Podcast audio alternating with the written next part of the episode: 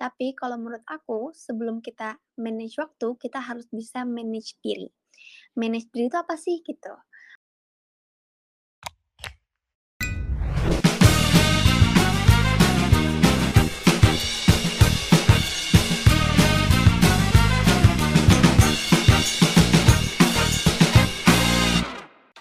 Halo Sobat Creator, gimana nih kabar pendengar setia podcast Kami Creator? Semoga sehat dan bahagia selalu ya. Bersama aku Hanifa yang kembali menyapa kalian di podcast Kami Creator. Eits, di sini aku nggak sendirian loh. Ada Bunga. Halo Bunga. Halo juga Kak Hanifa dan sobat Kami Creators. Oh iya, kalau ngomongin soal puasa, aku jadi kepikiran nih Kak, Kira-kira konten apa aja sih yang bisa dibuat oleh seorang digital content creator zaman now? Karena di episode kali ini kita bakal sharing-sharing nih bareng sama Kak Hanifah Fatmarani, seorang digital content creator yang aktif baik di Instagram hingga YouTube untuk membuat konten kreatif, terutama tentang isu sosial dan remaja juga nih Sobat Creators. Padahal usianya masih muda ya, cuman udah aktif banget loh Nah, biar pendengar kita terutama Sobat Creator lebih akrab, Kak Hanifa boleh banget nih untuk say hi. Oke, okay. halo teman-teman semua, sobat-sobat dari kami Creators. Yap, sudah disebutkan nih tadi oleh podcasternya nama aku. Jadi nama aku Hanifa, bisa dibilang seorang content creator social life teens issue Nah, aku sering buat konten seputar permasalahan sosial yang dialami oleh para remaja di sosial media aku, lebih tepatnya di akun Instagram dan YouTube. And I'm glad to be here di podcast kami Creators karena ini merupakan kesempatan yang sangat luar biasa. Terima kasih kami Creators sudah mengundang aku untuk sharing bersama pendengar podcast kami Creators. Oke, untuk saat ini aku aktif di berbagai kegiatan selain menjadi siswi di SMA Negeri 3 Depok, aku juga les di dua tempat, les bahasa dan juga les mata pelajaran. Baru beberapa minggu lalu, aku terpilih menjadi Duta Hukum dan HAM Jawa Barat. Aku juga aktif di Eskul Perfilman, dan ya, ada project di deket-deket ini. Doain untuk sukses ya. Uh, ada berapa juga nih kegiatan lainnya mungkin aku nggak bisa sebutin semuanya di kali di kesempatan kali. Wow, keren banget sih. Ya ampun, aku dengarnya tuh jadi agak insecure deh. Meski usianya tuh masih muda ya, tapi udah aktif banget loh. Dan kegiatannya juga kayaknya udah hampir melebihi hitungan jari juga tuh kedengarannya ya. Nah, katanya tadi Kak Hanifa ini juga sibuk dan aktif juga di dunia perfilman ya. Biasanya tuh kalau dunia perfilman tuh ngapain aja sih? Boleh dong di-sharing Kak Hanifa? Oke, okay, mungkin aku sharing sedikit aja kali ya. Sebetulnya I'm not an expert gitu ya, tapi aku tahu sedikit tentang dunia perfilman. Nah, aku lebih kerjanya di short movie, bukan di film yang satu jam itu enggak. Tapi aku di sini kerjanya sebagai script writer atau sutradara kebanyakan. Aku jarang menjadi kameramen, aku nggak pernah menjadi editing juga karena itu susah banget. Ada berapa divisi-divisi kayak gitu. Wah, produktif banget ya. Um, anyway, nama kita sama nih, Anifa. uh, gimana gimana? Di episode kali ini kita bakal sharing-sharing kan, Han? Ya, sebagai digital content creator, bulan puasa ini bisa ngebantu kamu nggak sih? Atau justru ngehambat kamu dalam bikin konten? Um, ada nggak perbedaannya? Mulai dari hari-hari biasa sampai ini nih di bulan Ramadan, gimana nih Han? Oke, okay, perbedaan produktif di bulan Ramadan dan di bulan selain Ramadan. Pasti ada sih. Ini umum deh kayaknya dirasain semua orang gitu. Mungkin Kak Hanifa dan juga Kak Bunga juga ngerasain ini nih. Kayak siapa sih yang nggak jadi lebih males untuk ngelakuin sesuatu? Kayak lebih ngantukan juga dan lemas. Sama kok, aku juga ngerasain itu juga. Misal kalau ada hari di mana aku udah di fase malesnya pakai banget, ya udah aku tidur aja tuh berjam-jam namun aku tetap ingat, aku harus nampar nih diri aku sendiri. Namparnya maksudnya bukan nampar beneran pakai tangan ya, agar aku nggak terlarut dengan rasa malas. Selain itu, di bulan Ramadan aku lebih memilih untuk menjadi night worker. Jam istirahatnya di siang hari atau sore hari, malamnya baru kerja, ngurus project, tugas, ataupun take video konten. Karena kan energi udah keisi setelah buka puasa ya. Kalau di bulan lain selain Ramadan tetap ada kendala juga. Perut emang udah keisi dan pikiran jadi jalan. Itulah yang menjadi tantangan. Kalau pikiran kita lancar, kitanya jadi mikir ke mana-mana. Bingung gitu kan nyelesainnya dari mana dulu nih, karena kita jadi aktif semua kegiatan diangkut dari berbagai bidang. Kesibukan jadi numpuk di satu waktu. Wah, aku setuju banget nih sama statement dari Kak Hanifah barusan. Emang sih ya, tantangan terberat di bulan puasa itu tuh untuk tetap produktif meski tenaga tuh nggak sebanyak waktu lagi nggak puasa kayak sebelumnya. Aduh, jujur ya, aku tuh juga tipikal night worker loh. Emang ya, entah kenapa jadi lebih mudah aja gitu untuk produktif di malam hari. Ya mungkin karena faktor keramaian dan juga jadi lebih fokus karena perut udah keisi makanan juga. Karena bayangin aja ya, kita tuh siang-siang masih sekolah, masih ngerjain tugas. Biasanya tuh aku waktu lagi puasa tuh ngomongnya jadi lebih irit karena aku juga takut haus tahu. Jadi ya cukup relate lah dengan Kak Hanifah barusan. Yaps, bener banget Bung. Eh, by the way, kayaknya nih ya, uh, Hanifah itu tipe orang yang gak bakal pernah gabut deh. Ada aja yang dikerjain. Ya mulai dari kerja, ngurus proyek, sampai-sampai masih sempetnya nih bikin video konten. Wah asli, salut banget aku tuh. Bener banget dong kak, gak semua orang punya time management yang bagus kayak gitu, apalagi usianya masih muda kayak gini. Jujur ya, aku tuh kagum banget karena di usia Hanifah yang masih muda ini tuh udah banyak banget tahu pengalamannya, terutama di dunia perfilman hingga broadcasting kayak yang diucapin sama tadi Kak Hanifah. Bahkan digital content creator juga ih maruk banget sih talentanya. Dibabat semua loh. Nah dengan kegiatan sebanyak itu aku jadi bingung nih tapi ya penasaran juga. Gimana sih cerita atau perjuangan Kak Hanifah? Dari nol hingga sampai ke titik ini pasti skill manage waktu itu kepake banget dan dibutuhin banget nggak sih Oh iya, by the way Baswe, berhubung sekarang lagi di bulan puasa, pasti capek banget gak sih untuk ngonten di saat kita tuh lagi nahan lapar dan haus juga? Gimana sih cara supaya kita, terutama sobat creators, supaya tetap produktif nih dan berkarya meski lagi di bulan puasa kayak gini? Step by step bikin konten kreator di bulan Ramadan tuh apa aja sih, Pak? Boleh dong yang kamu biasanya udah aktif banget untuk sharing-sharing ke kita? Oke. Yang pertama banget deh, tumbuhkan niat dalam hati. Ini poin paling penting ya guys. Karena kalau nggak niat, kalian pasti dikit-dikit bawaannya males, stres, dan mengeluh. Jadi niat dan motivasi itu harus dari dalam diri kita. Tentukan tema apa yang sih yang kita mau bawakan. Kira-kira tema yang relate sama teman-teman di lingkungan sekitar itu apa sih? Nah, bisa nih pakai fitur question box sekalian bisa menyapa teman-teman agar konten kamu nggak terlalu serius ya. Yang kedua, tentukan prioritas. Aku yakin kegiatan kalian bukan membuat konten aja, bukan sekolah aja. Pasti ada kegiatan lainnya. Kerjakan sesuai dengan prioritas dan waktu deadline-nya. Jangan karena nggak suka sama tugas ya, jadinya menelantarkan tugasnya. Belajar untuk bertanggung jawab dengan pilihan kalian dan belajar untuk menghargai perasaan orang lain. Dan yang terakhir, pasang target. It's a must for me karena misal hari ini selesai naskah, besok take video, lusa editing udah harus selesai.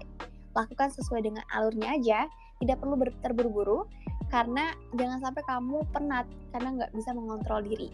Takutnya malah menjadi toxic productivity. Yaps, bener banget. Kuncinya itu niat. Terus kerjakan sesuai prioritas dan pasang target. Bener kata kamu, Han.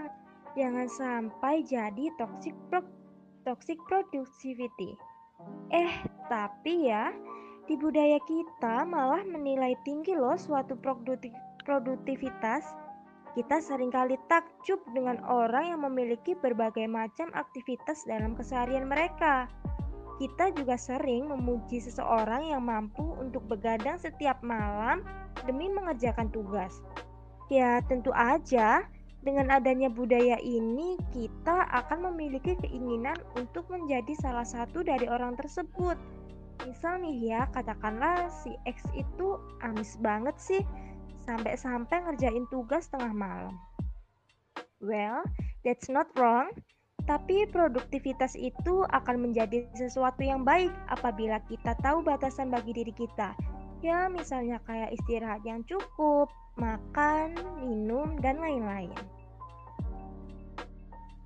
Wow, keren banget sih. Mungkin itu tuh cukup relate dan mirip juga kali ya sama konsep hustle culture, hustle culture ya. Waduh, ada lagi sih istilah yang mungkin agak ribet, tapi ya Tergantung sih, sesuai dengan yang aku lihat dari internet juga, emang ya lagi ngetren banget tuh kerja sampai tipes. Bahkan udah mulai ada quotes bertebaran, tugas, tugas, tipes gitu. Jujur, aku juga setuju banget tahu sama pernyataan dari Kak Hanifah barusan. Tapi, kalau aku lihat-lihat lagi nih, meski masih berada di bangku SMA, kayaknya Kak Hanifah tuh udah sering berkecimpung di dunia digital content creator, bahkan bisa dibilang pro juga nggak sih? karena kedengarannya tuh kayak udah fasih dan udah apa ya kayak jago gitu deh. Tapi dibalik itu semua gimana sih awal mula cerita Hanifah terjun di dunia digital content creator Oke, senang sih aku ceritanya. Oke, awal mula terjun ke dunia digital content. Jadi aku udah mulai kepikiran itu sejak SMP.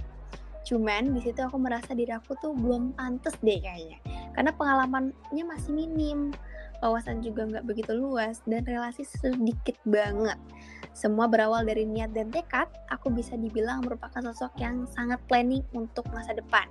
Jadi aku berusaha untuk mewujudkan mimpi aku secara perlahan dan pasti. Hingga pada akhirnya, aku memantapkan diri untuk membuat konten di usia aku ketika SMA. Itu didukung juga oleh salah satu guru Ya, akhirnya aku dibimbing oleh beliau dalam membuat narasi dan shoot video. Pasti ada rasa takut lah, gitu kan, untuk memulai. Cuman kalau aku diam terus, kapan aku bisa menggapai mimpi-mimpi aku? Dan masa iya gitu kan, aku nggak ada usaha apa-apa, tapi kesuksesan yang malah menghampiri aku. Mustahil deh kayaknya. Aku juga tersadar, diri aku jauh lebih berkembang ketika aku keluar dari zona nyaman. Alhamdulillah, orang-orang terdekat aku juga mendukung aku dalam uh, aspek apa pun itu untuk membuat konten di sosial media, terutama orang tua dan keluarga, serta dengan teman-teman aku yang juga mendukung aku apa pun itu. Kalau nggak ada mereka, kayaknya aku labil terus gitu, nggak bakal maju gitu. Ya ampun, jadi bener banget ya kalau faktor lingkungan yang mendukung itu tuh emang berpengaruh banget sih bagi kita untuk tet tetap semangat produktif dan resiliensi mentalnya sih juga terjaga ya. Rasanya kalau ketemu langsung tuh kayaknya aku pengen tepuk tangan gitu untuk dengar perjuangan dari Kak Hanifa barusan. Dan boleh banget nih mindsetnya Kak Hanifa untuk dicontoh ya Sobat Creators. Intinya jangan takut ya untuk mencoba. Apalagi keluar dari zona nyaman. Bener nggak sih Kak? Yaps, bener banget.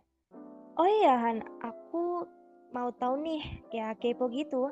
Uh, setelah kamu menjalankan kesibukan itu, uh, gimana sih cara kamu atur time management di tengah kesibukan sekolah, terus harus bikin konten, dan lain-lain? Oke oke, ini kayaknya sering ditanyain sih sama teman-teman sekitar aku juga umumnya orang-orang akan bilang harus bisa manage waktu agar bisa uh, ngerjain semua tugas gitu. Tapi kalau menurut aku, sebelum kita manage waktu, kita harus bisa manage diri. Manage diri itu apa sih gitu? Manage diri itu bagaimana kita bisa mengatur mood ataupun emosional dalam diri kita. Kadang kita kalau ada hal kecil yang membuat kita marah di pagi hari, misal nih kopi tumpah gitu kan ke seragam kita. Kita tuh bisa tuh emosi sampai malam gitu marahnya gitu. Jadi aktivitas kita sehari-hari tuh keganggu. Nah, jadi penting banget untuk bisa manage diri agar aktivitas sehari-hari kita bisa berjalan dengan sesuai dan lancar. Nah, dan gak akan keganggu gitu. Baru deh selanjutnya kita manage waktu, tentukan prioritas deadline yang paling dekat dikerjakan paling duluan. Bukan tugas yang kita sukain dikerjain duluan. Kita kan nggak tahu tugas yang kita sukain itu akan cepat selesai atau enggak sih? Takutnya malah keteteran tugas-tugas lainnya.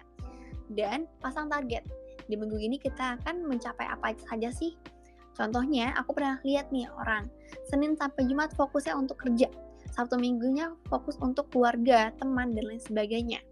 Kemudian aku juga pernah nemuin orang yang aturnya per hari gitu pagi sampai sorenya sekolah kerja gitu. Sorenya me time untuk diri sendiri minum teh kemudian makan dessert or anything malamnya baru untuk keluarga. Dan masih banyak contoh lagi kalian bisa nih ngatur sendiri maunya kayak gimana. Terus cara ingetin gimana? Kalau menurut aku kalian nulis di sticky notes seperti do list gitu ya per hari akan lebih bisa diingat dibandingkan kalian nulis secara digital sebetulnya ini aku pernah sharing di Instagram aku. Tapi kalau kalian suka nulis secara digital, menurut aku jangan disimpan di notes doang. Karena ya akan ketutupan juga sama aplikasi lain. Karena biasanya aplikasi lain lebih tertarik untuk, untuk dilihat dibandingkan notes kalian gitu ya. Kalau di sticky notes kan taruh di meja belajar langsung auto keinget terus. Baru duduk gitu kan di meja belajar, nemu sticky notes to do apa aja langsung aduh apa nih yang harus kita lakuin gitu jadiin tuh tulisnya itu di wallpaper kalian kalau kalian mau digital. Wallpaper kalian nah kalau kalian misalkan kalian uh, buka HP itu langsung ingat apa aja yang kalian harus lakuin. Gitu deh. Well, no, that's a good answer you have there. Kalau dari yang aku tangkap sih dari perkataannya Hanifa barusan, berarti kurang lebih tuh kita harus punya skill atau kemampuan intrapersonal nggak sih? Jadi tuh kayak semacam skill untuk memahami diri sendiri dulu. Baru deh setelah kita paham, baru bisa mengeksekusi atau membuat planning secara realnya. Aku sih nangkepnya gitu ya, Sobat Creators. Boleh banget nih quotes-nya intinya mah ya sebelum kita bisa manage waktu, kita intinya harus bisa manage diri sendiri dulu. Sobat creators boleh banget nih untuk nerapin ke diri kalian juga. Karena biasanya nih ya, kalau yang aku temuin di kehidupan sehari-hari, orang-orang pasti langsung bikin schedule banyak, jadwal padat, padahal mah mereka sendiri belum paham tentang kemampuan dan batas mereka sendiri sesuai dengan yang Kak Hanifa bilang barusan. Makanya kadang jadi susah deh untuk kendaliin godaan dari luar. Setuju banget Bunga. Uh, Oke, okay, next question ya Han. Uh, kamu pasti kan udah sering banget nih bikin konten ya berhubungan dengan podcast dan video. Uh, terus ikut kegiatan yang berhubungan tentang content creator. Nah, mungkin pernah terbesit rasa kecewa nggak sih pas tahu insight pendengar podcast sedikit atau insight penayangan video YouTube sedikit? Uh, mungkin di episode pas kapan gitu? Dan dari hal itu, apakah kamu pernah ada rasa dongkol dan rasa males buat bikin konten lagi? Ya, secara kan yang udah kamu bilang di awal tadi, jadi konten creator itu pasti nggak lepas dari support orang-orang sekitar yang bikin semangat buat konten. Nah, itu gimana nih? Another good question. Bahkan mungkin sampai sekarang, ya kontennya aku ditonton dengan uh, ya lumayan banyak sih aku bersyukur lah. Tapi kalau diingat masa masa lalu ya masih sedih sih. Karena membuat konten itu kan gak semudah itu. Dari hal yang mendasar deh bagaimana aku bisa meluangkan waktu menurut aku itu udah merupakan effort yang besar. Aku juga ngerjain konten itu kan apa-apa sendirian dari mulai nulis skrip, editing video, setting kamera dan lainnya. Apalagi kalau ada bintang tamu nih, aku harus menjalin komunikasi buat poster atau buat question box itu. Tapi aku sadar, apa pun itu pasti butuh proses. Gak semua serba instan. Bahkan mie instan aja perlu dimasak dulu agar berwujud mie yang kita bisa makan. Begitu juga dengan membuat konten. Gak bisa tuh instan untuk bisa berwujud seperti sesuatu yang bisa kita nikmati. Kita nggak bisa memaksa orang untuk suka dengan karya kita, karena setiap orang pasti punya selera dan mereka berhak untuk memilih apa yang mereka inginkan. Namun, jika memang tidak menyukai kontennya, cukup hargai aja sih gitu. Tidak perlu sampai di dislike lah. Nah, baik lagi kita harus improve diri sendiri dan membuat inovasi gimana sih caranya audiens tertarik dengan konten kita. Kalau dari aku, mulai banyakin relasi, wawasan, dan cara penyampaian yang berbeda dengan konten creator yang lainnya, agar menjadi pembeda. Wah, kalau ngedenger dari ceritanya ke Hanifa barusan, berarti prosesnya tuh lumayan panjang juga ya, Fa. Kalau kita berbicara soal proses nih, biasanya pasti ada up and down-nya ya. Ada masa di mana kita tuh lagi turun dan naiknya. Nah, ketika kita ada titik di rendahnya tersebut atau titik yang mungkin kamu tuh ngerasa down kayak yang tadi kita bilang itu, kira-kira biasanya apa sih yang kamu lakuin? Apakah itu me time? Apakah itu curhat? Dan kalau curhat, ada nggak sih kira-kira seseorang yang paling berjasa atau jadi salah satu alasan utama kenapa kamu tuh bisa maju gitu sampai sekarang? Oke, okay. untuk itu pasti kan ada titik di mana aku capeknya pakai banget kali ya, dan aku ngerasa uh, worthless atau bagaimana gitu. Tapi tetap aku harus bisa mengapresiasi diri aku. Gimana caranya aku mengapresiasi diri aku? Salah satu uh, optionnya adalah me time. Aku pergi sendirian gitu. Dan yang kedua, aku mengapresiasi dengan membelikan suatu barang yang dari dulu aku pengenin dengan hasil kerja keras aku. Contoh kemarin, aku kan kemarin cukup hektik uh, diundang pembicara, moderator dan lain sebagainya. Alhamdulillah menghasilkan sesuatu gitu ya. Dan akhirnya aku bisa membeli barang yang dari dulu aku pengenin. Itu sebuah apa ya pencapaian menurut aku. Uh, jadi aku sayang banget gitu loh sama barang itu untuk apalagi tadi pertanyaannya Bung? Uh, mungkin seseorang kali ya, seseorang yang setidaknya tuh paling kamu ingat ketika kamu ditanya siapa sih orang yang paling atau paling sering ada ketika kamu tuh lagi butuh seseorang gitu. Oke, okay, oh iya bener banget tadi seseorang ya. Seorang pasti yang pertama banget sih keluarga gitu ya. Jadi kalau lagi down, terus lagi butuh referensi, butuh masukan, pasti aku ke lebih tepatnya ke ayah aku gitu.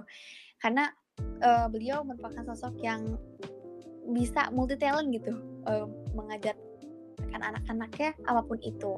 Dan juga sahabat-sahabat sekitar aku gitu um, membantu aku dalam support like, comment, terus share ke teman-teman lainnya. Itu, itu menurut aku udah salah satu support terbesar yang ada di hidup aku dalam membuat konten. Wah, ternyata untuk menjadi seorang digital content creator itu emang bener ya, Sobat Creators. Gak semudah yang orang-orang sering bilang sih. Contohnya kayak perjuangan ke Hanifah barusan. Banyak banget tuh effort dan gak ada hasil yang instan.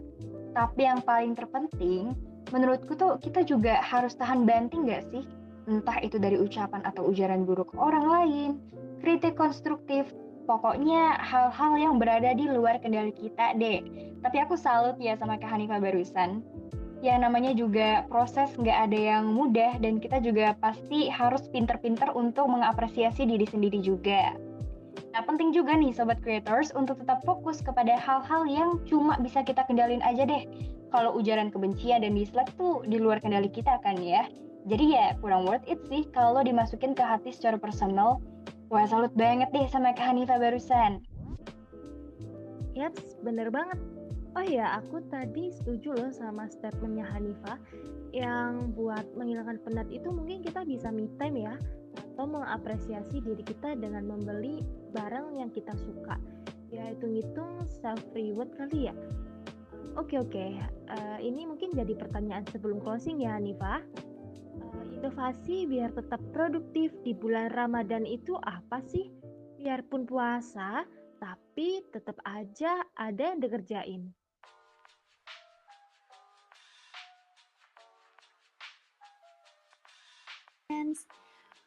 First of all, kalian harus punya motivasi dari dalam diri kalian sendiri. Kalau udah ada motivasi, aku yakin 95% inovasi yang teman-teman rencanakan akan berjalan dengan lancar.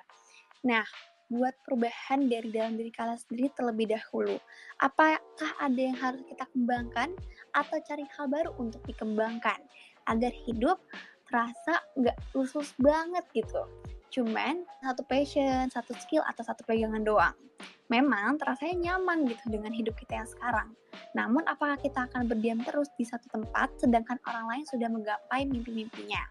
Terkadang membandingkan diri sendiri dengan orang lain itu dibutuhkan. Karena dengan begitu kita akan sadar bahwa pencapaian yang kita lakukan itu belum selesai. Orang yang memiliki latar belakang prestasi yang sangat luar biasa akan bisa dijadikan acuan motivasi bagi kita.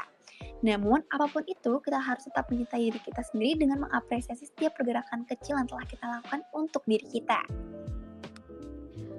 Wow, keren banget deh narasumber kita pada episode kali ini. Wah, kira-kira udah berapa kali sih dari tadi aku bilang keren? Karena gimana ya sobat creators, abisnya emang sekeren itu sih sampai nggak sadar aku jadi repetisi deh. Bilang keren lagi, keren lagi, karena ya emang sekeren itu. Nah, kita tetap harus mencintai diri kita sendiri dengan mengapresiasi pergerakan kecil yang telah kita lakukan untuk diri kita, sesuai dengan yang Kak Hanifah bilang tadi. Nah, dengan begitu, baru deh kita jadi lebih yakin dan percaya diri untuk terus melangkah dan berinovasi nih, Sobat Creators. Wow, insightful banget deh pokoknya. Namun, melakukan kegiatan bulan Ramadan yang produktif tetap menjadi hal wajib.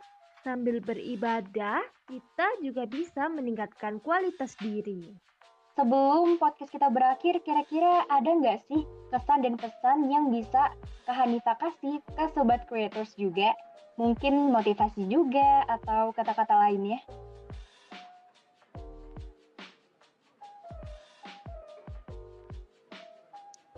Oke, okay. mungkin closing statement kali ya. Intinya, uh, jangan terus insecure. Intinya harus kita berkembang.